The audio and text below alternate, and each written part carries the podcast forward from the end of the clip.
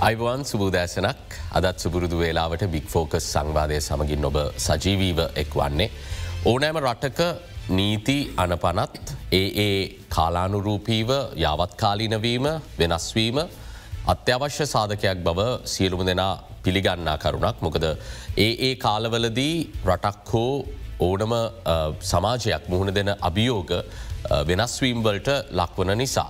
නමුත් මේ විදිහට නෛතික අනපනත් සංශෝධනය වීමේදී ඒ සංශෝධන හරහා රටේ මූලික මිනිස් අයිතිවාසිකම් හෝ සිවිල් සංවිධානයේ අයිතිවාසිකම් කඩවීමට ලක් නොකොට සත්භාවයෙන් යුතුව මේ නීති රටේ උන්නතිය වෙනුවෙන් සකස්වීමේ අවශ්‍යතාවයක් මේ වන විට බොහෝ දෙනෙක් පෙන්වා දෙමින් සිරිනවා. මේ නෛතික ප්‍රතිසංස් කරන සම්බන්ධයෙන් වන සාකච්ඡාව මේ දිනවල වඩා තීබ්‍ර ලෙස උද්ගත වෙලා තියෙන්නේ.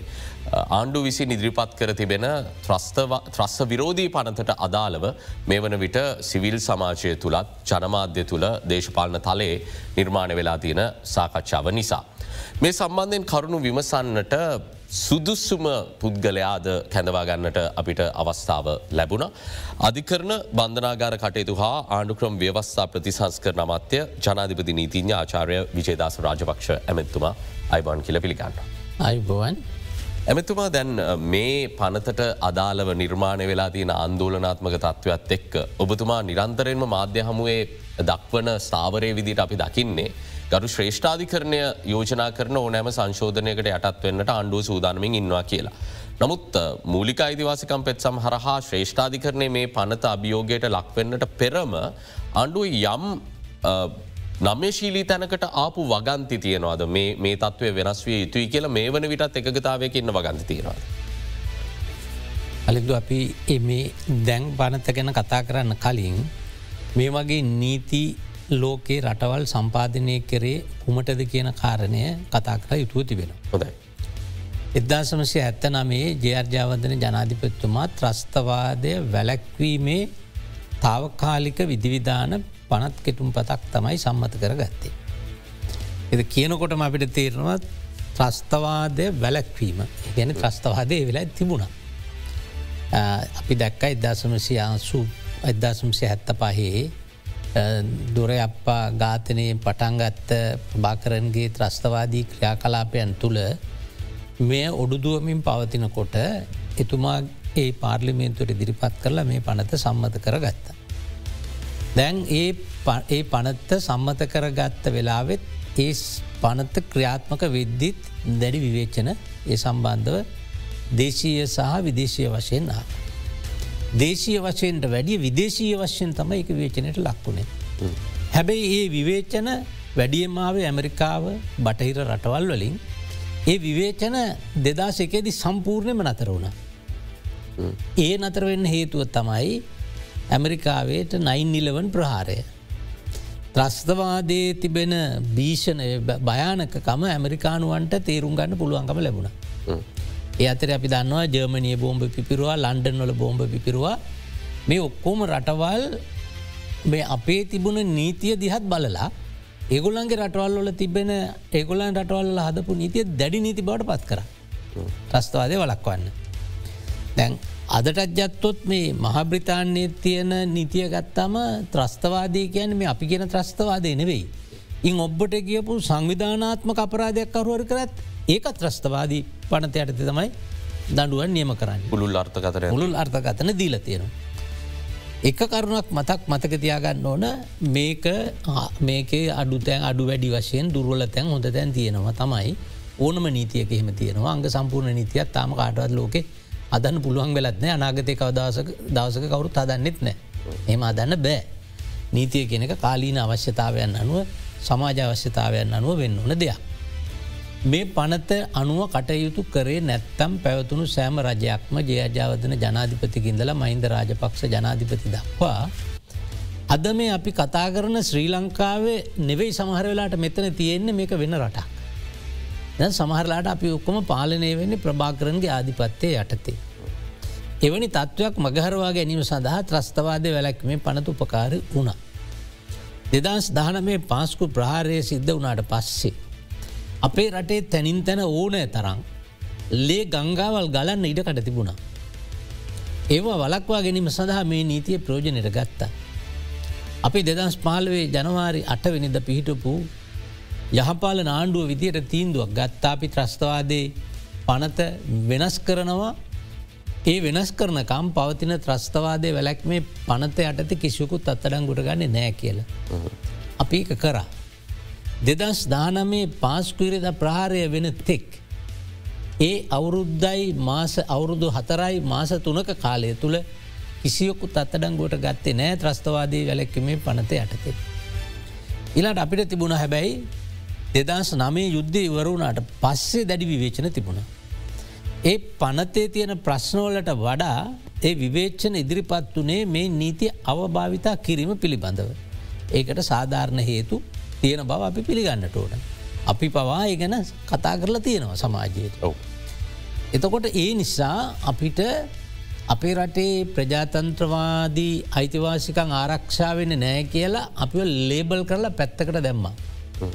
එදාසි කොළහෙදී මතක ඇති අපිට තිබුණු GSP සහනය යුරෝපය ඇමරිකාව අපිට කපා හැරිය. යුරෝපයට මත්සේ අපනයනය සඳහා තිබුණු බලපත්‍ර අපි අහෝසි කර. අපි ආර්ථික වශයෙන් කඩා වැටීගෙන එමින් පැවතුනා යුර හිටියේ. දෙදස් දාසේ තියන්න ඕන චන්දය දෙදස් අවුරුදු දෙකට කලින් දෙදස් පහළුවේ ජනවාරි මා සිතිව ඇයි. අපිට තිබුණ ඒවකට ආණ්ඩුවට ඒවකට ජනාධිපතිට ආණ්ඩුවට තිබුණ බරපදල ප්‍රශ්න දෙකට මුණ දෙන්න. තමයි ආර්ථිකය බින්දුවේ බින්දුවට කඩාවට නොන්න මෙන්න මේ දෙදස් විසි දෙකේ වෙන්න තිබුණ දේ දෙදස් පහළුව වෙන්න තිබුණ දෙයක්. පිටක වලක්ව ගන්න ඕන කමතිබුණ. තොට ඒ ආණ්ඩුවට තිබුණ අනිත් දැනුණු රශ්නයක් තමයි දැඩි ලෙස ලෝකයේ බලගතු රටවල් එකතු වෙලා යුදාපරාධ බාහිර පීඩනය බාහිර පීඩනය අපේ යුද්ධයට නායකත්වය දුන්න දේශපාලඥෝ අමුදාපතිවරුන් යුදාධිකරණයට යුදාපරාධ සිද්ධ කරයි කියල ගෙනියන සියල්ල සූදානන් කරලා තිබුණි. ඒ වෙලාවෙ තමයි ආණ්ඩුව මාරුණා ඒ දේශීය සහ විදේශය වශයෙන් ජනතාවගේ ආකල්පවල යම් වෙන සක්සිද්ධ වනා මීට වැඩිය යහපත් වෙයි කියලා. එදා මංගල සමර අමාත්‍යතුමත් මත් ජීල්ල ජිනිවවල බිසාකච්ඡා කර අපි ඒකුල්ලත් එක්ක ගැටුමකට ගේන අපිට එහෙම යන්න තරම් ශක්තියක් වෙලා ඇතිබුණේ හැබැයි අපි යෝජනාව ගෙනපු අවස්ථාව ඕ අයෝජන ගෙනාපුව ඇමරිකාව කෙනවා ඒකට ලෝකේ ප්‍රබල රටවල් හුඟක් සායෝග ලබා දුන්න. එතකොට යුදපරාධ චෝදන ඉදිරිපත් කිරීම පවායකට ඇතුළත් වෙලා තිබුණ. ඉති අපි බොහොම රාජතාන්ත්‍රික විදිර තම ගණු දෙනු කිරුවේ. එනිසා අපිට ශක්තියක් ලැබුණා යම් යම් පොන්දේශිත් එක්ක තමයි. ඒකත් පිළිගන්න ඕන. ඒක අපි අටත්වීමක් නෙවේ ඒ අපේ ස්වාධිපත්‍යය පාවාදීමක් නෙවේ අපි කරේ. අපිට ඒව ආරක්ෂා කර ගැනීම සඳහා අවශ්‍ය ක්‍රමවේදයන් අපි අනුගමනෙක් කර.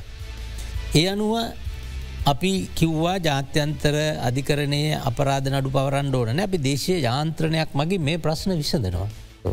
ඒ අනුව තමයි අපි අතුරුදහන්නුවන්ගේ කාර්යාලයක් පනතක් මගින් සම්මත කරලා ඇති කර. වන්දි කාර්යාලයක් ඇති කරා. ඊළඟට රෙපරේෂන් මොනාද රිකන්සිලේෂන් සංහිධිය කාර්යාලයක් ඇති කර.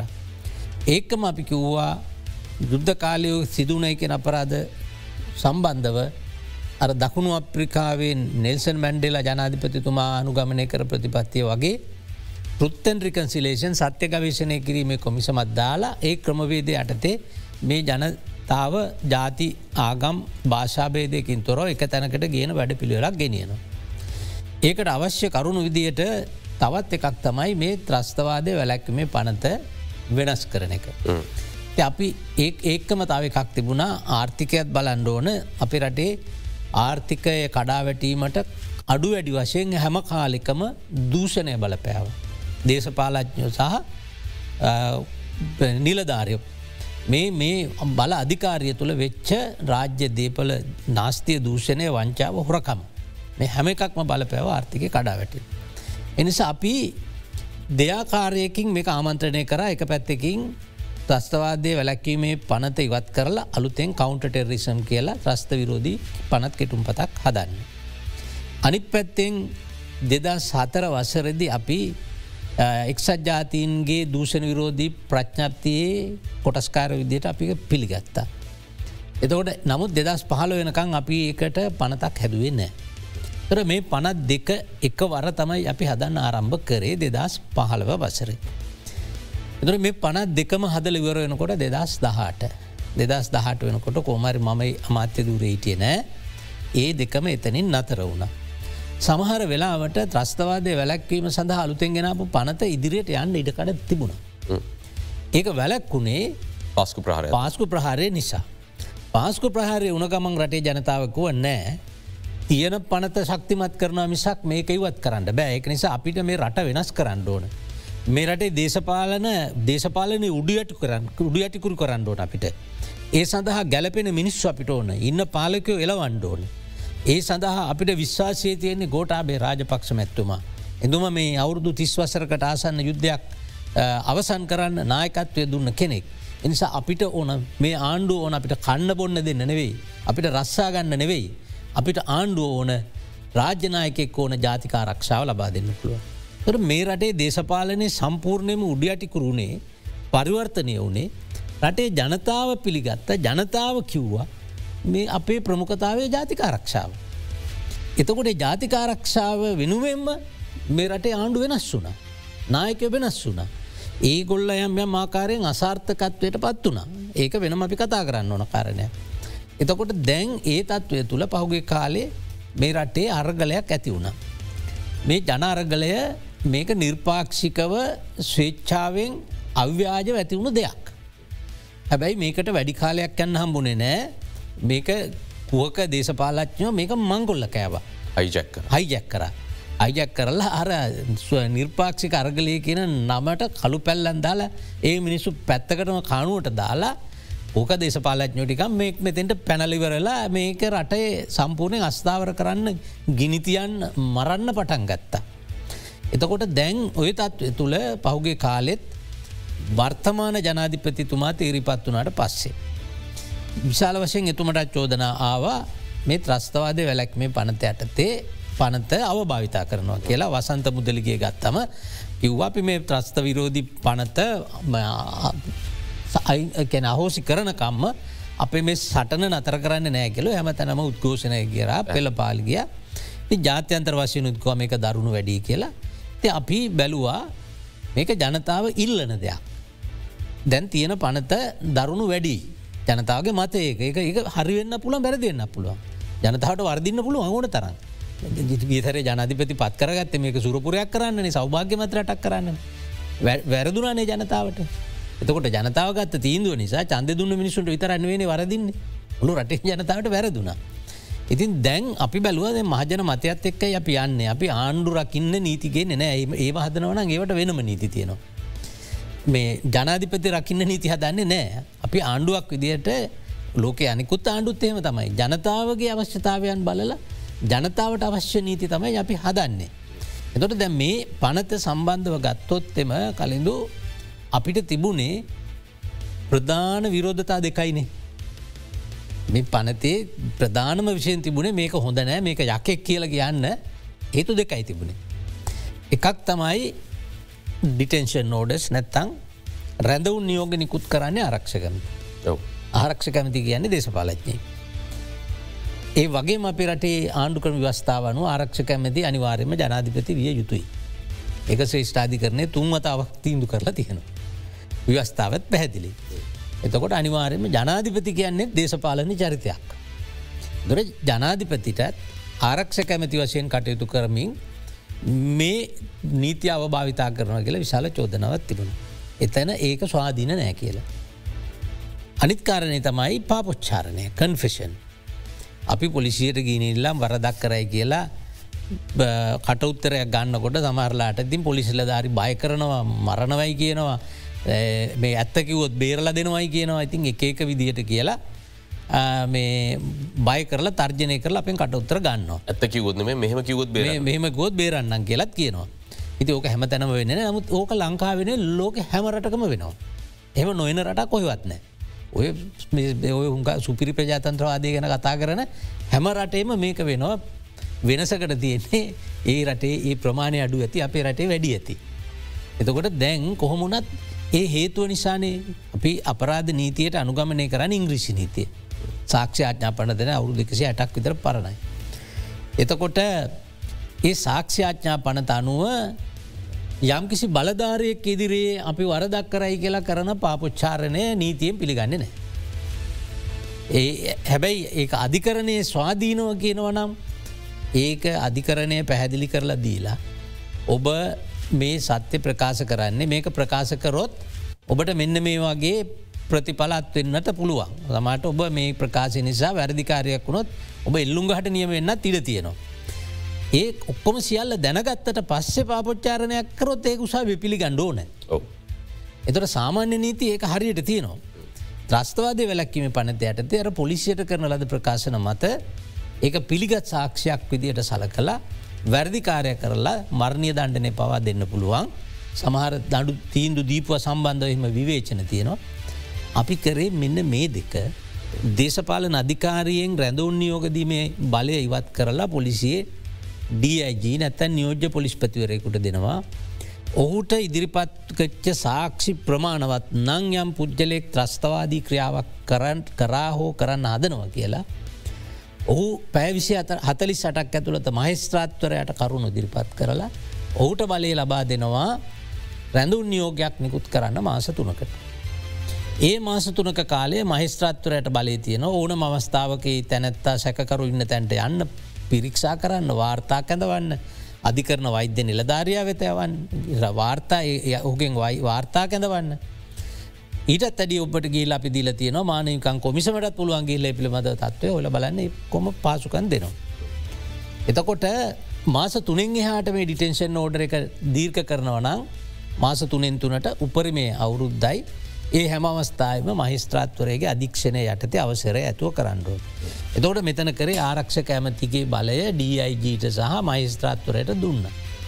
දැන් තියන එක තමයි දැන් ඉස්සර කිව්වේ ආරක්ෂ කැමති අපිට විශ්වාසනය කියලා දැන් කියනවා පොලිසිය විශ්වාසනය කියල. ඒ ඇන එක වෙලාට තන රනිලික්ම සිංහ මාත්‍යය කරේ පුදුම විශ්වාසය පෞගේ මාසකීපය තුළ ගොඩනැකිල තියෙනවා ඔහුලඟ තියෙන බලය තවදුරටත් ඔහුළඟම තියාගන්න පොලිසිට නම් දෙන්න පැයි කියල තමයි කියන්නේ. එහෙම වුනත් ඒකත් අපිට හොඳයි ඒම ගැටලුවන්න මේක ගැන ලොකු විරෝධයක්කාව පොලිසිට දෙන්න පැයිගල අපි සූදාන. ඒ ආරක්ෂ කැමති ළඟම තියන් ම විශ්වාසක ඔබතුමා බොහොම හොඳින් මේ පසුබිම පැහැදිලි කරා ඇයි මේ පනත මේ වෙලාවේ ගෙනෙන්න්නට ආණ්ඩුව මේ ආකාරෙන් ගෙනෙන්න්නට කටයුතු කරේ කියලා. දැන් අපි කෙටියෙන් මේ තියෙන විවේචන සම්බන්ධයෙන් ඔබතුමාගේ පිළිතුරු අරගෙන යන්න බලාපොරොත්තු වෙන්නේ. දැන් ඔබතුමා කිව්වා මේ වෙලාවෙතිය තිබ්බ විරෝධතාවලට අනුව අනිවාර්යම මේ පනත අලුත් පනතක් විදිට ගෙනෙන් ඕනිගෙන ඉල්ලීම මුළුමත් සමාජයම තිබ්බ. ත්‍රස්වාදය වැලක්වීමේ පනතට විශාල විවේචන තිබුණ. නමු දැන්ගෙන විවේචනය තමයි. ඔබතුමා ඔය කියන ප්‍රතිපාදන දෙකේ සංශෝධන වලට අමතරවත් මේ ත්‍රස්තවාදය සම්බන්ධයෙන් ලබාදීල තියෙන අර්ථකතනය මේ නව පනත තුළ වඩාත් පුළුල් තැනකට අරංගිහිල්ල තියෙනවා. යනුව සිවිල් සමාජ ක්‍රියාකාරකම් මර්ධනය කිරීම දක්වාම ගෙනයන්න පුළුවන් තත්ත්වයක් මෙත නිර්මාණය වෙනවා. දැන් ජාත්‍යන්තර මට්ටමෙනුත් Human Rights Watch වගේ ආයතන මේ වෙද්දී නිවේදන නිකුත් කරලා තියෙනවා. මේ නව පනතත් රටේ මානව අයිතිවාසිකම්වලට දැඩි තර්ශන එල්ලවෙන්නට පුළුවන් ඉඩ ප්‍රස්ථාව නිර්මාණය කරන පනතක් කියල. දැන් තිබ්බ පනතත් වඩා භයනක පනතක් ගෙනල්ලා ඔය අපිට එල්ලවෙමින් තිබ මානව හිමිකම් චෝදනා මූලික විනිත් අයිසිවාසිකම් කඩකිරීමේ චෝදනාවලට අපිට පිළිතුර දෙන්න පුළුවන් මේ ඊට වඩ බයනක නැද. ඕකට කියන්නේ නිකං මේ අර කරන්නංවාලේ කියන්නංවාලේ කියනවා මිසක් ඒක සනාත කරන්න කවරුවත් සාධකයක් අද වෙනතෙක් ඉදිරිපත් කරලා නෑ. දැන් කියනවා මේක අර්ථ නිරූපණය පුළුල් කියලා. මම අපි ප්‍රශ්න කරනවා දැන් මේක තියෙන්නේ ත්‍රස්තවාදී ක්‍රියා කියලා තුන්වෙනි වගන්තිය. මොකක්ද මේක තියෙන පුළුල් ස්භාවය. මේටිකට හැරෙන්න්න මේටික නොවේ නම් ත්‍රස්තවාදය කියන වෙන මොකට අපි ත්‍රස්තවාදය කියල කියන ද තින මිනි මැරීම. බරපතල තුවාල සිදු කිරීම. ප්‍රාණෑපයට ගැනීම. පැහැදිලි. ට ඊට අමතරව තියෙන යම් මහජන භාවිත ස්ථානයකට රාජ්‍ය හෝ ආණ්ඩුවේ පහසුගමට යම් පොදු හෝ පෞද්ගලික ප්‍රවාහන පද්ධතියකට හෝ යටිතල පහසුගමකට බරපත්තල අලාභානි සිදු කිරීම.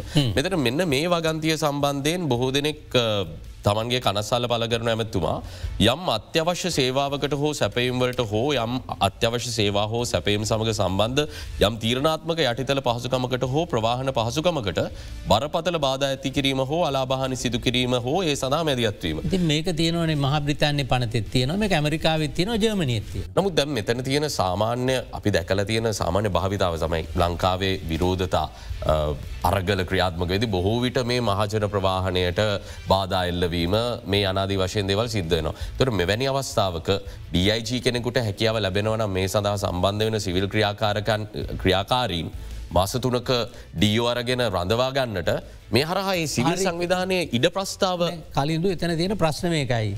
දැන් තියෙන පනතයට තේ මේක කරන්න බැරිද. දැන් තියෙන පනතයට තේ ඔය කියන ටික ඔබ කියපු ඔක්කොම කරන්න බැරිද කරන්න පුළුවන්. පොටිම කියන දැන්පිය දැන් තියෙන පනත යටතේ ඕනනම් අපිට පුළුවන් කොම්පිටන්ට ඔතෝරට එකක් බලයලත් යෝජිත එක් පත් කරලා ඔබගේ නිවස් එක යන හැම නිවස් එකක්ම ගිහිල් අවසරර ගණ්ඩෝන ප්‍රචාරය කරන්න. දැන් තියෙන පනතයටද යුද්ධ කාල මතකයින්න ඔබට? ඔම්පිට ොතෝරටික අවසර නැතුව පත්තරයට නිවසක දාන්න බැරු හිටිය. නිසි බලධාරය නිසි බලධාරයක් හිටිය. එතකොට ඔය ඔබ කියන ඔක්කෝමටික කරන්න පුළුවන්. හැබැයි එහෙම කරේ නෑන කවරුව දැ ජනාධිපතිල කී දෙනෙක් හිට දාණ්ඩු කිය ඇතිබුණද ත්‍රස්තවාදී ක්‍රියාවක් කියනක මොක්ද කියල හඳුරගන්න පුළුවන්. දැන් ඔබ කියනෙතට පොලිසිය කැන සැකඇත්තිය නොන ඒක ගැන විසඳගන්න බැරි ප්‍රශ්නය නෙවෙයි. අවශේෂ නීති තියන සාමාන්‍ය නීති යටතේ පොදුදේපල පනත තියෙන තවත් සෙසු නීතිවලින් මේ සඳහම වැරදි වලට අත්තරමුට ගැනීම ප්‍රතිපාදන පොලිසිර තියෙනවා. තු ත්‍රස්තවාදය වැලක්වීම කියන පනතේ තියෙන භයනක භාව තම මේ රැදවම් නියෝග. මේ හරහා පුද්ගලයෙක් මහේශ්‍රාත්වරයගේ නියෝගයකින් තොරව ඩියයිජි කෙනෙකුට මේ වෙද්දී රඳවා ගන්නට අවස්සාව ලැබීම. මාස තුනක පුළුවන් කාලය තුන මාස තුනකට කාල මොකටද මේක ගේන්න කියන්නකෝ. ඉස්සල්ල දැන් හරි දැ මිනිස්සුන් අයිතිවාසිකන් රකින්න කියලනවා කියන්නේ. ඒකන ආණ්ඩුක්‍රම ව්‍යස්ථාවේ පරික්ෂේදයක් තියනවා මූලික මිනිස් අයිතිවාසිකං ආරක්ෂා කරන්න. අදහස් ප්‍රකාශ කිරීමේ අයිතිය. යෑ මේ අද අයිතිය. පුද්ගලයන් තනි බොහෝ වෙන්වෙන්න ඒක රාශි වෙලා වෘතිය සමිති කටයුතු කරන්න පෙළපාලියන්න ඒ අයිතිය තියෙනවා. එතකොට ඒක ආණ්ඩුක්‍රම වත්තාවේ ආණ්ඩුව කෙරෙහි තිවෙන පැවරිච්ච වගකීමක් ඒ අපි ආරක්ෂා කරන්න ඕන. එක හරිනි එතර කාගේ අයිතිවාසිකන්ද ආරක්ෂා කරන්න ඕන. ත්‍රස්තවාදය වැලැක්ක මේ පනතක් රටකට අවශ්‍යවෙන් ඇයි. ආණ්ඩුවේ වගකීම මිනිස්සුන්ගේ මූලික අයිතිවාසිකං ආරක්ෂා කරන්න කලින් මිනිස්සුන්ගේ ජීවිතය ආරක්ෂා කරන්න. ඕනම රටකට ත්‍රස්තවාදය වැලැක්වීමේ පනත ඇතුව හෝ නැතුව. රාජ්‍යයකට තියනවා පාලකයන්ට දෙන වගකීම. ඒ වගකීම පලවෙනි වගකීම කියන්න බලන්න එක්සත් ජාතින්ගේ චාට්මකක්ද එක්සත් ජාතිගේ ප්‍රඥ්ඥප්ති යටතේ පවා මානව අයිතිවාසිකං චැප්ටර එක චාටර එක යටතේ පව මොකක්ද තියෙන්. මිනිස්සුන්ගේ ජීවිත ආරක්ෂා කරන්න. රටේ සම්පත් ආරක්ෂා කරන්න ඕන්. රටේ බෞමිකා කණ්ඩතාවේ රකිින්ටෝන්. රටේ ස්වෛරී භාවය රකිින්ටෝන්. මේ හතර කරන්න නැති ආණ්ඩුවක් මිනිහෙක්ගේ කොහොමද මූලික අයිතිවාසිකං ආරක්ෂා කර. එම කරන්න පුළුවන්ද. ඒන් කියන මීරි මූලික අයිතිවාසිකන් තියෙන්නේ මේ මැරිච්ච මිනිස්සුන්ගේ අයිතිවාසිකන් රකිින් ඩනවෙයින මිනිස්සු ජීවත් කරන ගමන් මිනිස්සුන්ගේ මූලික අයිතිවාසිකන් ආරක්ෂා කරන්න ඔබතුමා ඔය ඔබතුමා නෛතික සංශෝධනය ගෙනෙන්නේ ඔබතුමාව පැහැදිලි කරන සත්භාවයෙන් කියන කාරණය අපි විශ්වාස කරනවා කියම්. එතනින් ඔබ්බට මේක අනාගතයේද මේක නීතියක් වුණට පස්සේ මේ නීතිය පරිහරණය කිරීම මේ රටේන සෑම ආණ්ඩුවකටම ලැබෙනවා නිතැතින්ම. තුර යම්මහයකින් අපේ රටේ පූර්වාදර්ශය තමයි නීති අවභාවිත කිරීම් ගණනාව අප ඉතිහාසේ පිරික්ෂුව අපිට හොයාගන්න පුළුවන්. තුට යම් හයකින් තමන්ගේ විරුද්ධවාදින් මර්ධනය කරගන්නට යොදා ගන්නවන ඉතාම පහසුවෙන් යොදාගන්න පුළුවන් පනතක් විදිර මේ පනත නිර්මාණ වෙලා තියෙනවගේ ඔබ එක වෙන්න නැද්ද. මම ඒකට කියටවත් එකඟ වෙන්න නෑ ඔබ කියන මතේලං මේ රටේ ජනතාවගේ මතේ මටත් හරි පහසුයි ආණ්ඩුවටත් හරි පාසුයි මේක අකුලල පැත්තකින් තියෙන එක. හරි නිදහස් අපි. අපිට සබයි තියෙන හැබැයි තියෙන පනත සාධනය තියෙන පනත අනාගතයේ අය භාවිතා කරනකොට සමහර වෙලාට ඉල්ල වැඳල කියයි අර පරණ අපි අකුල ගත්තක ගෙන ගන්න කියලා. අපි දන්න අනාගතය කුමකුමන ආරක්ෂ කැමති කෙනෙක් ඒදි කියලා. මේක ජනාධිපතිවරයට ඒකාධිපතියෙක් වෙන්න බලතල තියෙන්නේ ත්‍රස්තවාදය වැලැක්මේ පනත යටති කියලා පෙළපාලි ගියානේ ජනාධිපතික බලය ජනාධිපතිකෙන් අයිංකරපු හම දැන් කියනෝ දැන් තමයි ජනාධිපති රේකාධිපතියෙක් වෙන ලේසි කියලා. හරි තර්කයක් මේ මොකද මේක හරය ඉති පොලිස් පොසිසිය ඩියයිජිල විශ්වාස නැත්තං ප්‍රශ්නයන්නෑ ඒක ආරක්ෂ කැමතිටම තියමු අපි එකඟයි. ඊටත් වඩා ඉදිරිට ගිල්ලා රැදවම් නියෝග කියන කාරණාවද මහේෂ්ත්‍රාත්වරයාට මීටත් වඩා බලතල දෙන තැනකට අපිට යන්න වැරදි. මහිස්ත්‍රාත්වරයට තමයි බලතල මේක තියෙන් හැම එකක් මහිස්ත්‍රාත්වරයාගේ අධික්ෂණයට තමයි සිද්ධ වෙන්න හැබැයි කලින්දු මේ ත්‍රස්තවාදය කියන එක ඔබලා හිතන්නේ අර ක්‍රිකට් මැච්ච එකක් වගේ කියලා. මට විරාමකට යන අප ගැන පැදිලි කරම මේ ප්‍රශ්ට අපි විරාමෙන් පස්සේම. කෙරි විරාමයගෙන් අනතුරුවේ අලිත් හවන.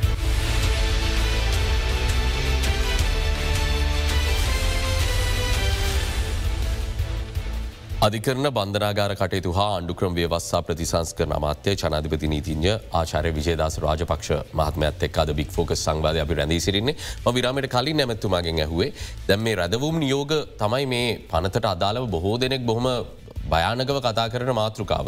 තුට රැඳවුම් නියෝග සම්බන්ධයෙන් අනුමත කිරීමේදී මහේස්ත්‍රාත්වරයාට මීට වඩා බලයක් ලබාදීම සාධනීය නැද්ද එහෙම කරන්න බැරිද කියන ප්‍රශ්ය තමයි මං ඇහුවේ. එතකොට මෙතන ප්‍රශ්න තියෙන්නේ මහිස්ත්‍රාත්වරුන්ට බැහැ පරීක්ෂණ පවත්තන්න ඉන්වස්ටිගේට් කරන්න බලයක් නෑනේ. මහිස්ත්‍රාත්වරුන්ට බලය තියෙන්නේ නියෝග දෙෙන්ට. එතකොට පරීක්ෂාකන පරීක්ෂණ කටයුතු කිරීමේ බලය තියෙන පොලිසියට. එතොට ඒක නිසා තමයි ඒක විදායකමය වශයෙන් ගන්න තීන්දුවක් ත්‍රස්තවාදී ක්‍රියාවක් බවට ප්‍රමාණව සාක්ෂි තියෙනවා නං ජාතික ආරක්ෂාව සපයන එක. මහිස්ත්‍රාත්ලට පුළුවන්ද ජාතික ආරක්ෂාව සපය නමුත් ඒ සඳහා ප්‍රමාණවත් සාක්ෂි තියෙනවද කියලා සෑහිමකට පත්වීමේ බලය දැන් ලැබිලා තියෙන තත්ත්වයට වඩා මදක් හෝ ගරු මහිස්ත්‍රාත් අධිකරණයට ලබා දෙන්නට බැරි එහෙම දුන්නොත්තම රට රටට ඊට වැඩි අනි පැත්තට ජාතිකාරක්ෂාව පැත්තෙන් වෙන්න තියෙන හානිය ප්‍රබලයි. එනිසා අපි ඔය සියල්ල තක්සේරු කරලා හිරලා බලල තමයි මේක හදලත් තියෙන්නේ. දැ මේක දෙදස් දහටේ හදපු පනතෙම දිගුවක් විදියට තමයි දැනට කෙටුම් පත ඉදිරිපත් කරලති. ට ඒ කෙටුම් පත අපි ඉදිරිපත් කරා ගේසැරේ නීතිච්ඥ සංගමයට. ශ්‍රී ලංකා නීතිඥ සංගමය පත් කෙරුවා ජනාධිපති නීතිඥරු දාශය දෙනෙක්. ඒ දාශය දෙනා මේක යම් යම් සුළු සංශෝධන සහිතව මේකේ තියෙන නිවැරදි භාව පිළි අරගෙන පිටු තිස්තුනක වාර්තාවත් දීල තියෙන. දොට ඒ අතරේ ජනාධිපති නීතිඥරු මෙන්න මේ ඇ ඉන්නේ. රියන්සි අර්සකුල රත්න සභාපති.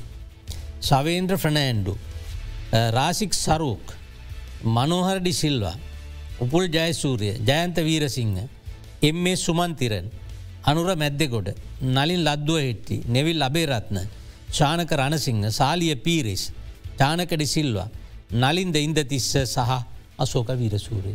මේ මොන අවුරුද්ධ දීපු දෙදහටේ. ගැන කවන්ට ටෙරරිසම ඇක්ටකට නමුත් මේ පනතයි කවන්ට ටෙරරිසම මක්ටක ඇතර වෙනස්කම් මුකුත්ම නැද නෑ තියෙනවා.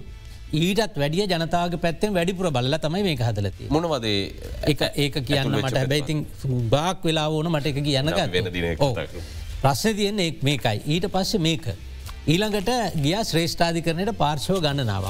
මුට ඊට කලින් කියන්න ඕන දැන් විපක්ෂනායකතුමා හිටපු කැවිනට් මණ්ඩලින් තම කනුමත කරේ.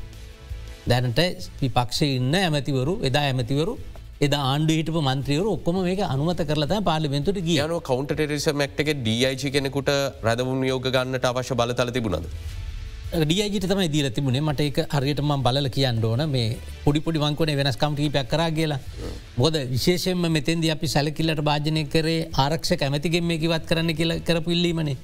එතකොට ඒ අනුව ශ්‍රේෂ්ඨාධි කරනට කිය ශ්‍රේෂ්ඨාධි කරනේ ත්‍රිපුද්ජල විනිශ්‍යාසනය මේ දීපු නඩු තීන්දුවට අනුව ශ්‍රේෂ්ඨාධි කරණය කියනවා අපි හදපු නීතිය ලිහිල් වැඩී කියලා. ශ්‍රේෂ්ඨාධි කරණය කියන අපි සමහර වගන්ති අපි හදපුවා සම්මත කරන්න ජනමත විචාරණකට යන්න ඕන කියලා මොකොද මිනිසුන්ගේ මූලික අයිතිවාසිකං ආරක්ෂා උල්ලංගන වෙනවා කියලා ලිහිල් දඩුවන්දීම මගින්. එක උදාහරණයක් කියන්න. අපේ අපේ රටේ නීති අනුව අවුරුහරි මැරුවොත් මිනි මැරුමට වරදකාර වුණු දෙන්න මොකක්ද දඩුව මරණය දණ්ඩන. ඕ ජීවිතාන්තය දක්වා සිර දඩුව. අපි හදපු පනත තිබුණේ උපරිම දඩුවන් දෙන්න පුළුවන් ත්‍රස්තවාදී ක්‍රියාවකට අවුරුදු විශ්සයි කියලා. ශ්‍රේෂ්ඨාධි කරණය නීතිච්චවරුන්ගෙන් අහනවා දැන් ඔබගේ දැන්දම්මා. මිනිහෙක් ඇවිල්ලා මැරුවොත් එයාට එල්ලුන්ගහෙ එල්ලුන්ගස් යන්න දඩුවන් දෙන්න පුළුවන්. හැබැයි වාගේ නැදම ත්‍රස්තවාදී කැවිල මැරෝ අවරුදු විස්සත් දුන්න මැති කියල හිතනවද. එන මේකෙද ශ්‍රේෂ්ඨාධි කරන යෝජනා කරන එහෙම අසමාන දඩුවන් දෙන්න බෑ මිනිමැරුව මිනිමැරු. එතකොට ඒ ඒ ඒකත් අපි සැලකිල්ලට භාජනය කරා.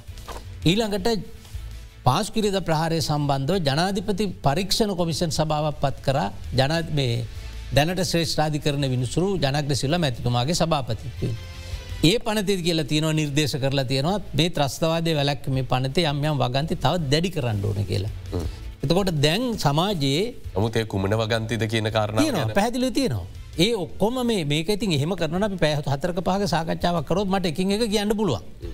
මේ ඔක්කොම අධ්‍යනය කරලා ලෝකයේ ඔය අපිට විවේචන ඉදිරිපත් කරන යම් යම් පුද්ජලෝ ඉන්න රටවල් තියෙනවනේ තම් ප්‍රශස්ත ප්‍රජාතන්ත්‍රවාදය තියෙනවා කියලා මහා බ්‍රිතාන්‍යය ඇමරිකාව බදක්කන ඇමරිකාවේ අර කැපිටල් බිල්ඩින්න එකට ඇතුළුණු පලවෙනි මනුස්සය අවුරුදු දලා කිරේනේ ද අපේ අර්ගලය අර්ගලය සංසන්ධනය කරල බලන්නකෝ. එතොට ඒ පලවෙනි එකනට අවුරුදු දලා කිරේ හිරේ දුන්න. ඒගොල්ල තමයි අපේ පනත් ගැන අපේ නීතිය ගැන එකොල්ලන් මේ වියචන දිරිපත් කරන්න බලන මේ මහ බ්‍රතාානය තියෙන එක යටතේ ඒ පනත යටත්තේ ත්‍රස්තවාදී ක්‍රියාවල් වලට ඕනම අපරාධයක් සංවිධානාත්මකව කරොත්. ඒකත් ටෙරිසම් තමයි. එන පාතාලෙත් ටෙරිස පාර්තාල ටෙරිසම් උඩු පාතාල ටෙරිසම් මිනිමරණ කල්ලි ටෙරිසම්. ඒ අතින් ගත්තම අපේක පුළුල් මදි. අපි බලන්නේ මේ සියලු දෙනාගේ සියලු දෙනාගේ එකඟතාවය ඇතුව දැ බලන්නද මේකම දැ විපක්ෂඉන්න මේක වේචනය කරනවා. එදා එදා සජ අපි යහපාලන ආණ්ඩු හිටපු ඇමතිවරු අද විපක්ෂන්න. තොට ඒකොල්ල මේ අනුමත කරලා ගිල්ල දැන්කන මේක අපි උසාය නඩුදානව කියලා. ඇ නඩුදානට අපිත් කැමති. මොකද අපිත් කැමති මේක යම් යම් නීතිය හැදුවට පස්සේ. යම් අඩුපාඩුවත් දුරලතාවයක් තියෙන නිසා. අපි විවේචනය කරලා අපිට පහර ගහනවා වෙනුවට මේක අඩුපාඩුවත් තියෙන නොන ශ්‍රේෂ්ඨාධි කරනයට ගිහිල්ලා ශ්‍රේෂ්ඨාධි කරනය නිවැරදි මඟ පෙන්වීමක් තුළ ඒද අපිකරොත් එතකොට අපිත් නිදහස්නේ. ඇමතුම කියන්නේ දැම් මුලින් මහපු ප්‍රශ්යට මේ වනතෙක් ශ්‍රේෂ්ඨාධිකරණය විසින් ලබා දෙන නියෝග මත ක්‍රියාත්මක වීම හැර මේ පනතට කිසිදු සංශෝධනයක් ගැනීමට ආණ්ඩුව තීරණයක් කරන්න නැහැකිවත් හරිද. සංශෝධන ගෙනල්ල තියෙන්නේ. සංශෝධන කියන දෙදස් දහටේදී අපි පදපු පනත් කෙටුම් පත සම්බන්ධව මේ ලංකා මේ පනතට මේ කෙටුම් පතට. නෑ මේ කෙටුම් පතර ඉතින් අපි සංශෝධන ගන්න පැ කාරක් සභාස්ථාවද ඕනම් පනතක එහෙමනේ. ඔවු. මේකට සාධනීය ඒවා දෙනව සාධනීය සංශෝධන දෙනවනම් අපි වාරගන්න ඔබ්‍ර මතකතිද. දානමනි ආණ්ඩුකන ගත්තා. සංශෝධනය කොච්චර හොඳද නමුත් දවස් දෙකක් තර්ක කරලා දෙවනි දවස හවස පහවෙනකොටත් අපිට චන්දහතලි සතන තිබුණේ දි කොච්චර අමාරුවෙන් කියලද චන්දරගෙන දෙසිය පාලුවක් කරගෙන එක සම්මත කරගත්තේ. ති ලංකාව මේ විවේචන ගැන ඇයි ඔබ එච්චරම පුදුම වෙන්නේ. පහුගේ දවස්වල ගෙනාව දෙදස් විසිතුනේ අංක එක පනතමොකක්ද. මේ රිහබිලිටේෂන් එක පුනරුත්තාපනය කරන්න මද්‍රවවලට ඇබැහි විච්චාය. ඉති අප පාර්ලිමේන්තුවේ ජනතයි මුත්ති පෙරමුණ සජබයකට විරුද්ධ චන්ති දුන්නන්නේ. ගැන මේ රටේ පුනරුත්තාපනය කරන්න පැයි කියනනේ තරුණ තරුණයෝ. එතර මම ගෙනාව අංක තුන දෙදස් විසිතුනේ මොකක්දේක. මැතිවරණවලදි දූෂණ වලක්වන්න. වියදන් සීමා කිරීමේ පනත. මොකක්දකිවේ වියද නියමන පනත මොකක්දුනේ. ඒ සජබෙයි ජනතා මුති පෙරමුණයකට විරුද්ධයින එක ඒගොල්ලන්ට ඕන මේරටේ මැතිවරන්න වලදි දූෂණය වංචා කරන්න අපිට ඉඩ ඕනයි කියල නෙවේ දෙකින් කියන්න. අපේ රටේ විපක්ෂය කවදත් සියලුදයට විරුද්ධනවා. නෑ අපේ රටේ එවුනාට මෙතෙක් හැමදාම දූෂණ විරෝධී කටයුත්තකද විපක්ෂය එක ගයිනේ. ඉතිහාසේ එහෙම විරුද්ධවෙච්ච තැනන්නෑනේ. දැ මේ පළවෙනි වතාවට දූෂණ වලක් වන්න පනතක්ගෙන අප මේකට විරුද්ධ චන්ද දෙනවනේ. අඩුම ගන අපේ මට කියනවන යෝජනාවක් අන්තිම් මෝති කියනවා අරුණා කරලා හෙන මේ සංශෝධනය තුළ කරන්න මොකද සංශෝධනය. මේ මැතිවරට තෝ අදාල කරගන්න පාඩු ගනීට පස්සේවට දාන්න ගැන අඩුගන මේ මැතිවරණ දත් අපිට වංචා දූෂණ කරන්න ඉඩ දෙන්න කෙල්ලින් කරනවා. ඇති එහෙම කණ්ඩායන්න විවේචන ඉදිරිපත් කරන්න. දැන් ඔබ කතා කලා ඇමත්තුමා GSP ප්ලස් සහනය ගැන යහපාල් නාණ්ඩු සමේ තමයි අපිට ඊට කලින් අහිමිවෙච්ච GSP ප්ලස් සහනය යළි ලබාගන්නට හැකියාව ලැබුණේ නමුත් දෙදස් විසිතුන වර්ෂය සඳහා. මේ වර්ෂය සඳහා යළිත් ඇගීමක් සිදු කිරීමේ කොන්දේසිය මත තමයි මේ වන විට ලැබිල තියන්නේ යනු මේ අවුරුද්දේ යළිත් අපි GSP ප්ලස් සහනය තහවුරු කරගන්නට ඇගීමකට යන්නට සිද්ධ වෙලා තියෙනවා. දැන් හමන් රයිස් වච් වගේ සංවිධාන ඉදිරිපත් කරලා තියෙන නිවේදනවලට අනුව ඉදිරියේදී මෙවැනි පනත් මගින් මානව අයිතිවාසික මුල්ලංගනවීම් සිදුවනොත් මේ ජාත්‍යන්ත්‍රය මතය ඔබතුමා කිව්වාගේ වැදගත්තේ එතකොට මෙවැනි මානව අයිතිවාසිකම්වලට තර්ශනයක් කෙල්ල වුණු GSP ප්ලස් වගේ සහනයක් අපිට අකණ්ඩව පවත්වා ගැනීමේ අර්බුදයකට ලක්වෙන්නටත් පුළුවන්. ඒ ගැන හිතල නැද්ද. ඒක ගැන හිතලතා මේක ගෙනල්ල තින ඔබ කියන එක අනික් පැත්ත වෙන්නේ. හේතුව දන්නවද. පෞගේ කාලේ අපි මේ ආණ්ඩුව භාරගන්න කලින්. දෙදස් විසි එකේ යුරෝපිය සංගමේ ලංකාවට GSP එක නතර කරන්න ඕන කියලා යෝජනාවක් ගෙනාව. ඒ යෝජනාවේද මට සංඛ්‍යාව හරියට මතකනෑ චන්ද හයිශ්‍ය ගානක් ඒ යෝජනාවට පක්ෂෝ ලැබුණ. චන්ද දාසයයි ඒකට විරුද්ධ දුන්නේ කැන ලංකාවට පක්ෂ චන්ද දාසයයි දුන්නේ මේක නතර කරන්න එපා ගිල ජීස් පිසාහන. නතර කරන්න ඕන කෙල් හයිසියකට වැඩිග නච්චන්තය දුන්න. ඒ දෙදස් විශ්ෂය එකේ. ඒකට මොකක්ද බලපෑවේ. මේ රටේ තිබුණු මේ දේශපාලන සංස්කෘතිය මේ රටේ තිබුණ වංචා දූෂණ පිළිබඳව ඒගොල්ලන්ගේ අවධානය යොමු කර. එතකොට දෙදස් පහළවෙත් අපිට කිව්වේ අපි එකඟතාවකට ආවේ ත්‍රස්තවාදය වැලැක්වීම සඳහා අපේ රටේ නීතියක් නැත්තටම නැති කරලා මෙරට අරාජි කරලා දානුවයි කියල නෙවෙේ ගත්තේ. ත්‍රස්තවාදය වැලැක්වීමේ තියෙන නීතිය වෙනුවට වඩාත් ප්‍රජාතන්ත්‍රවාදී මානවයිතිවාසිකං රැකෙන අලුත් පනතක් ගේනවා කියලා මේ වඩාත් ප්‍රජාතන්ත්‍රවාදී නෑ කියල තමයි ජාත්‍යන්තර සංවිධාන කිය එකයි කියනවද අපේ ඇත් කියනවා ඉතින් කැබිනට් එක ඉඳල අනුමත කරපු පිවක්ෂණයකතුමත් කියනවනම් ලක්ෂමන් කිරියල්ල ඇතුමත් කියනවනම් ඉති විපක්ෂෙත් මේ ජාත්‍යන්තරත් ඒකම කියාවේ. කෞද මේකට උත්තර දෙෙන්ටුව. මේකම අනුමත කරලා දැන් අඩුමගාන කියනවනම් දෙදස් හරි දෙදස් දහටේ ගෙනපු පනත ඒආකාරයට එහන ගන්න කියන්නකු. එතොට මීට වැඩිය තත්ත්වය මීට වැඩිය සැරයි. යනුව මේ පනත පාලිමෙන්තුවට ඉදිරිපත් කරන අමාත්‍යවරයා විදියට. මෙය පැවති පනතට වඩා ප්‍රජාතන්ත්‍රවාදයට තර්ජනයක් කියන කාරය ඔබ කිසිසේත්ම පිළිගන්න කිවොත්. එහෙම හරි දැන් එහෙම ඔය කියන අය සාධාරණ සමාජයක් සඳහා සංවිධානය අපට යෝජන අතරත් දුන්න අධ්‍යයනය කරලා. මං සමහරයක ඇවිල්ල කියනවා මේ හරි භයානකයි කියලා. මම ඒක එකගෙන නංගන් කියන්නල ලැජ්ජයි කියන්න සමහර විශාරද මට්ටම ඇත්තහෙම කියනවා. හැබැයි මම හපුවම මේ පනතක යොල තියෙනවාද කියලා අන කියෝල නන්න. මේ එක අර ආහරයක් කියලා තියෙනවානේ. මේක රස්සාාවට මාධ්‍ය ප්‍රකාශන නිකුත් කරන කණ්ඩායන් අපේ රට ඉන්නවා. ඒගොල්ලන්ට ලොකු ප්‍රමුඛතාවයක් ඔබලගේ වගේ මාධ්‍යවලින් ලබා දෙන බව එකුල දන්නවා. ඉති ඒගොල්ලත් බැබලෙන තාරකාවල් බවට පත්වෙනවා මේ වගේ ඇවිල්ල සමාරලාට දොඩවන්නෙම වාචාල. එතකොට දැම් මේකෙම අසුවා ගන්තියාරය ඇත්තනම හැරි අල්ලගෙන කියෙන මෙන්න පෙළපාලිගයොත් මෙන්න මේකයි. මෙන්න මේ වගේ නිවේදනයක් මාධ්‍යයෙන් ප්‍රචාරණයකොත් මේකයි. හැබැයි ඒක මේ පනත කිවල තේරුම් ගන්න බැරිකමද නොහෙක්කමද මන් දන්නේ නෑ උවමන නැතිකමද කියලා දැ මේක පැදිල කියෙන භගන්ති දෙවනි වගන්තිය කියනවා මේ පනත අදාලවෙන කාටද. තුන්ගනි වගන්තිය කියනවා ත්‍රස්තවාදී වරද ගැන මොකක්ද. එතකොට මේ මේ වගන්ති දෙක ඉවත් කරලා කිව්වොත් අර ඔබ තගපු තර්කය. ඔන්න අපි යනවා පුද්ජලි කරණයට විරුද්ධව වෘතිය සමිතියනො පෙළ පාලයක් අපි කියල මේ ගොලන් අල්ල දංගෙඩිය දාලා මේ රැඳ උන්යෝග නිකුත් කරලා අපිට පුළුවන් එගොල්ල මෙල්ල කරන්න කියලා. ඒම කරන්න පුළුවන් මේ මේ පනතේ දෙකසා තුන වගන්ති දෙක කපා හැරුවත් පුළුවන්. නොමුත් තුන දෙක වගන්තියට තේ මේ අර යටිතල පහසුකම්බලට හානි සිදුවීම් වගේවා. විරෝධතාවල සිදුව කලින්ඳ ඒක වැරදි. දැන් කවරු හරි දැන් පවගේ කාලඇවිල සෙන්ට්‍රල් බැංකට බෝම්බ ගැහවා. එතොට ත්‍රස්තවාදීන් ඇවිල්ලා රාජ්‍ය ආයතනයක් කාලවේලවත් එක විරාමයකට අයුතු නිසා අපික පැහදිලි කරග විරාමය.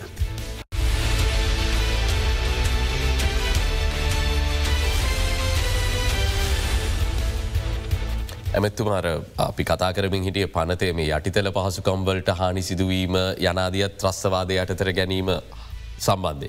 කලිදු දැන් ඔබට මතකයි මීට අවුරුද්ධකට කලින් මේ රට අරාජික වෙලා තිබුණු රටක් අපි බාරගන්න කලින්.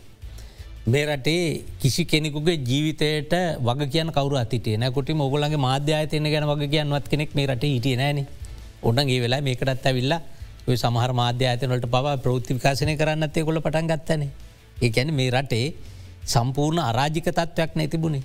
එතොට ඒ අරාජික තත්ත්වය නැති කරලා අපි ප්‍රජාතන්ත්‍රවාදි රටක් නිර්මාණය කරන්න ලොකු වේසක් දැරුව කොච්චර නීති යන පනත් අපි වෙනස් කරද විසික්කනි සංශෝධන ඉඳලා ඒකටත් ඔය කියන විරුද්ධනාන. එතකොට දැන් අවුරු හරි බේ එකන්නේ රටේ බහුතර මතය කිය අපි තේරුම් තේරුම් ගත්තොත් මේක හොඳ නෑ කියලා අපිට කිසි ගැටලුවක් නෑ තියෙනෙක උඩ අපිට අන්න පුළුවන්. තොට මේ ජනතාවගේ ජීවිත ආරක්ෂා කිරීම සඳහා අත්‍යවශ්‍ය ප්‍රමාණයට වඩා අවධානමක් ගන්න අපි සූදානන් නෑ. ජාතික ආරක්ෂාව කියන එක බිල්ලට දෙන්න සූදානමන් නෑ. ඒ අපි ආණ්ඩු හිටියත් එකයි අපි නැතත් එකයි මොන මිනි ආණ්ඩුව කරත්කමක් නැමේ රටේ අනිත් එක මේ අපි මේ සදාකාලික ම අධිකර නැමති නෙවෙයි සදාකාලික ජනාධිපති රනිල් වික්‍රමසිංහ නෙවෙයි. ඒටද අනිදද දන්න නෑ අපේ කාලිවරලා ඊළඟ ආණ්ඩුවට එන එක. දොර ඒදා ඊට පස්සේ අපි පුරවැසියෝ බල අපි ඔක්කොම එතකොට පුරවැසියෝ. එතකොට දැන් ඒ අපිට තියෙන ආරක්ෂාව නැතිකර ගන්න අපි කොහොද නීති හදන්නේ. ඒ පලවිකාරණය. මට ත්‍රස්සවාදය ත්‍රස්ස විරෝධී පනතින් පොඩ්ඩ වෙනත් මාතෘකාවකට යන්නන මේ දිනවල විශාල ආන්දෝලනයක් ඊට අදාලවත් මතු වෙලා තියන නිසා. එක්ස්ප්‍රස් පර්ල් නෞකාව අනතුරට ලක්වීම හරහා ශ්‍රී ලංකාවට ලැබෙන් ඕනේ වන්දිමුද ලබා ගැනීම මේ වෙද්දී තාම මන්දගාමී තත්වක තියෙනවා කියන කාරණාව අපි නිරීක්ෂණය කරද්දිත් බොහම පැහැදිලි. මෙතන කාලාවරෝධය සම්බන්ධය ප්‍රශ්නයකුත් මතුවමින් තියෙනවා කියලා මේ වෙද්දි විධ පාර්ශව චෝදනා කරමින් ඉන්න දැන් අපි සිංගප්පූරුවට කියල නඩු පවරන්න තමයි එකඟතාවකට ඇවිල්ල ඉන්න. ඇයි ඇමතුම ලංකාව තුළ මේ අධිකරන කටයුත්තට යන්න බැරි. මේමයි මේ නඩුවේ පවරන්න යන්න නඩුවේ නීතිමය කාරණා ගැනම මෙලිදරව කරන්නේ නෑ කාටවත් ඒක ඒක අපිට අවාසිසාගත වෙනවා ඒක යුක්තිසාගත නෑ. රට පැත්තෙන් ගත්තම එක ලොකු අපරාධයක් අපි කරන්නේ. අපි අප ස්ටටජී අපි ක්‍රමවේදගෙන අපි කියන්නේ නෑ. අපි පාර්ලිමෙන්තුර කිව්වෙත් නෑ එක පැහැදිලුවම කිව්වා. එක නීතිපතිවර විතින් සුදුසු විදියට අවශ්‍ය පරිදි කරන හැබැයි දැනට මන්දගාමීව යනවයි කියන කතාව වැරදි.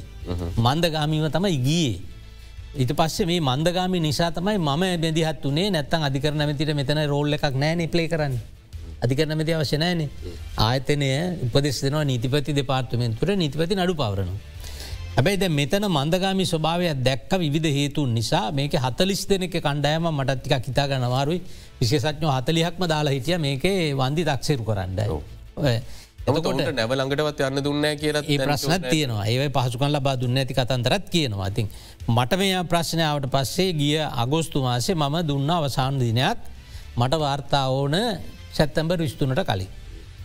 ඒ එක ගුණ දිනේ. හැබැයි මට වාර්තා ලැබුණෙන් නෑ. ඊට පස්සේ එක ජනවාරි මාස මැද හරිය දුන්නා.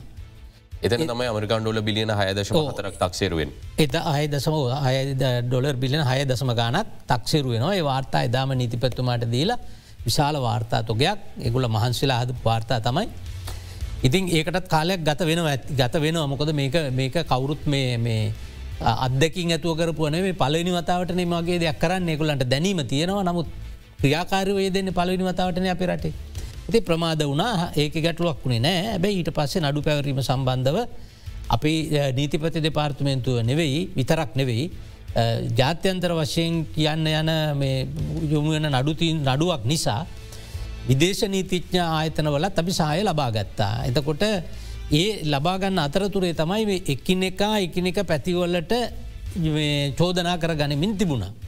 මේ ආයතන දෙකෙත් යම් කිසි අනෝබෝධයකින් කටයුතු කරපු ස්වභාවය ම හොඳට දැක්කයෙක් නිසා ඒ අනෝබෝධය දුරු කරලා දැන් ඒ කටයුතු කරගෙන යනවා. ඒ අතර තමයි ඔය චෝදනා ඉදිරිපත් කරේ. සමහරු මේකට අල්ල සරගෙන තියෙනවා කියලා. මේකට විතරක්නේ බ්ලඩයිමන් එක සම්බන්ධවත් අල්ලස් ගත්ත කියලා චෝදනා තියෙනවා. ඉති අපිට තොරතුරක් හොයාගන්න ලැබෙනවනම් ඕනම තොරතුරක් ඕනම පුද්ජලයකට රුද්ධව අපේ ඒ පිළිබඳව නීතිය ක්‍රියාත්මක කරනවා. මොද බ්ලඩයිමන් එකෙත් නීතිපතිවර උපදෙස් දීල තිබුණා වන්දි අපච්ච ප්‍රමාණයට අපි ගන්නකන් නැව තක් නැව නිදහස් කරන්න එපයි කියලා. මොකද මේක වගේ ගිනිබත්වන එකක් නවෙනි. නමුත් ඒකත් නිදහස් කරල යවල තියෙන මේ නැවත් කොටසක් යව්වා. දැ මේ නැවේ ඊට පස්සේ මේ ඒක එකඟතාවයකට ඇවිල්ල කරේ. එතකොට මේ නැව කපලා ඉවත් කරන්න ඒගොල්ලන් කටයුතු කරලා තියෙන මංතැන් නැවින්ද භාගයක් කරගෙන තියෙනවා. ඒකට කස්ටම එකට අපිට ඩියුටිය එකක් ගවන්න ඕන්කම තිබුණ ඒකතන් ගැටලුවක් තිබුණ ඒක අපි කස්ටම එකත් එක් ජනධවිතුමත් එක් කතා කරලා ඒකත් රටේ නීතියට අනු අවශ්‍ය අයකිරීම් කරලා තමයි යවන්න කියලා අපි අවසරේ දුන්නේ දැන් මේ ලැබුණු තොරතුරු ම දන්න ඇත්තද නැත්තද කියලා හැබැයි ඒක තියනවා නංගන් තියනවා එකව ගිනුම් අංක තියනවා බැංකුව තියනවා ස්ථානය තියනවා පොලිසිය මේනකොට පරීක්ෂණ ආරම්භ කරල ඉවරයි. ඔබේ දැනුවත් භාවට අනුව නෛතික වශයෙන් මේ ලැබිල තියෙන කාලාවරෝධය ගැටලුවක් නොවෙන්න කලින් අපිට පුළුවන්ද මේ නඩු පවර පවරන්න. අනිවාර්ය මේක කරනවා එකගෙන කිසි ගැටලුවක් මේ සැක සංකාවත්තියා ගන්න ඕන නෑ. නීතිප නීතිපති දෙපාර්තුමෙන්තුව ඔයිට වැඩිය බරපතල නඩු ඕන තරන් කරලා තියෙනවා. අන්තක නීතිපති දෙපාර්තුමෙන්තුවට තියෙන මේ නඩුව විතරක් නෙවෙයි. අපිට ඉන්න සීමිත සංඛ්‍යාවක් එක්ක අපි ඉතාම වැදගත් නඩුව ඉතාම වැදගත් නිසා මේකට ප්‍රමුඛතාවයක් ලීලා තියෙනවා නීතිපති දෙපාර්තමේන්තුව ඉන්නවා මුහුද සාගරය පිළිබඳව නීතිය හදාරපු විශේෂඥෝ ඉන්න නීතිපති දෙපාර්තමේන්තුවේ. ඒක පශ්චාත් උපාධිකරපොය ඉන්නවා. එහෙම කණ්ඩායමක් මේ මේ පිළිබඳව සම්පූර්ණ කාලය යොමු කරලා නඩු පැවරීම කටයුත්ත දැම් මේනකොට කරගෙන යනවා. හොදයි. අද අපිට බොහෝදේ කතා කරන්නට තිබුණත් ලැබිල තියන කාලවේලාවත් එක් ඉක්මනින් ඉක්මනින් කතා කරගෙන යන්න ඕනේ තුමාගින් බොහෝදේවල් පැදිලි කරගන්න තියෙනමකද මේ වෙලාව අමාත්‍යවරයෙක් වශයෙන් එක් පසකින් රටට ආර්ථික ප්‍රතිසංස්ක නිතාම් වැදගත්. අනෙක් පසින් නෛතික ප්‍රතිසංස්ක නිතාම් වැදගත්. එදි ජනාධිපතිවරයා මුදල් අමාත්‍යවරයා විදියට ආර්ථික ප්‍රතිසංස් කරන සම්බන්ධෙන් කටයුතු කරද්දී ආචාර විජේදස රාජපක්ෂ මහත්මය නෛතික ප්‍රතිසංස් කරන සම්බන්ධෙන් කටයුතු කරන එතුම යළිත් සම්බන්ධ කරගන්න අපි බලාපොරත්වය නොබතුමට ආරාධනා කරන අපේ වෙනත් සංවාධයකට සභාග වෙලා අපි මීටත් වඩා හොඳට මේ සම්බන්ධෙන් රටට පැහැදිලි කිරීමක් කරමු කියල. සූතිකන්තය නොබතුමාගේ කාලය අද ලබාදීම සම්බන්ධය. එත් එක්ක අදට අපි සංවාධයෙන් සමුගන්න හෙටත් සුපුරුදු වේලාවට ඔබ හමුවීමේ බලාපොරොත්තුවේ සුපදිනයක්.